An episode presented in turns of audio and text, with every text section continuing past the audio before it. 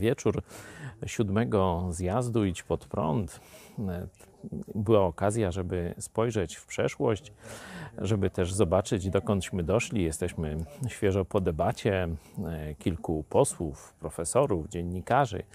E, w sumie 19 osób w ciągu dwóch godzin, także też wielka sprawność naszej ekipy technicznej.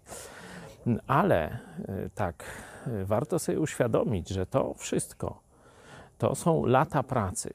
To nie powstało e, tak na zasadzie, e, że o, skrzykniemy się, zrobimy, obalimy flaszkę i tak dalej. Nie?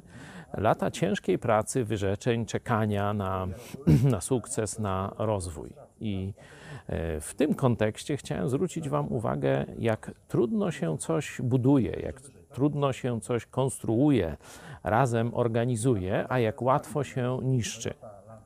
E, zniszczyć taką pracę można by bardzo łatwo. Zresztą wielu już próbowało przez jakieś podziały, przez oszczerstwa i różne takie rzeczy.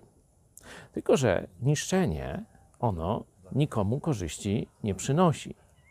Że jakiś rozwój, jakaś wartość, tak jak na przykład ta debata, że ludzie z różnych stron mogli sobie porozmawiać, e, ludzie mogli zobaczyć, nasi widzowie, że można kulturalnie rozmawiać różniąc się że żeby do tego dojść, potrzebowaliśmy kilkunastu lub może trochę więcej lat pracy.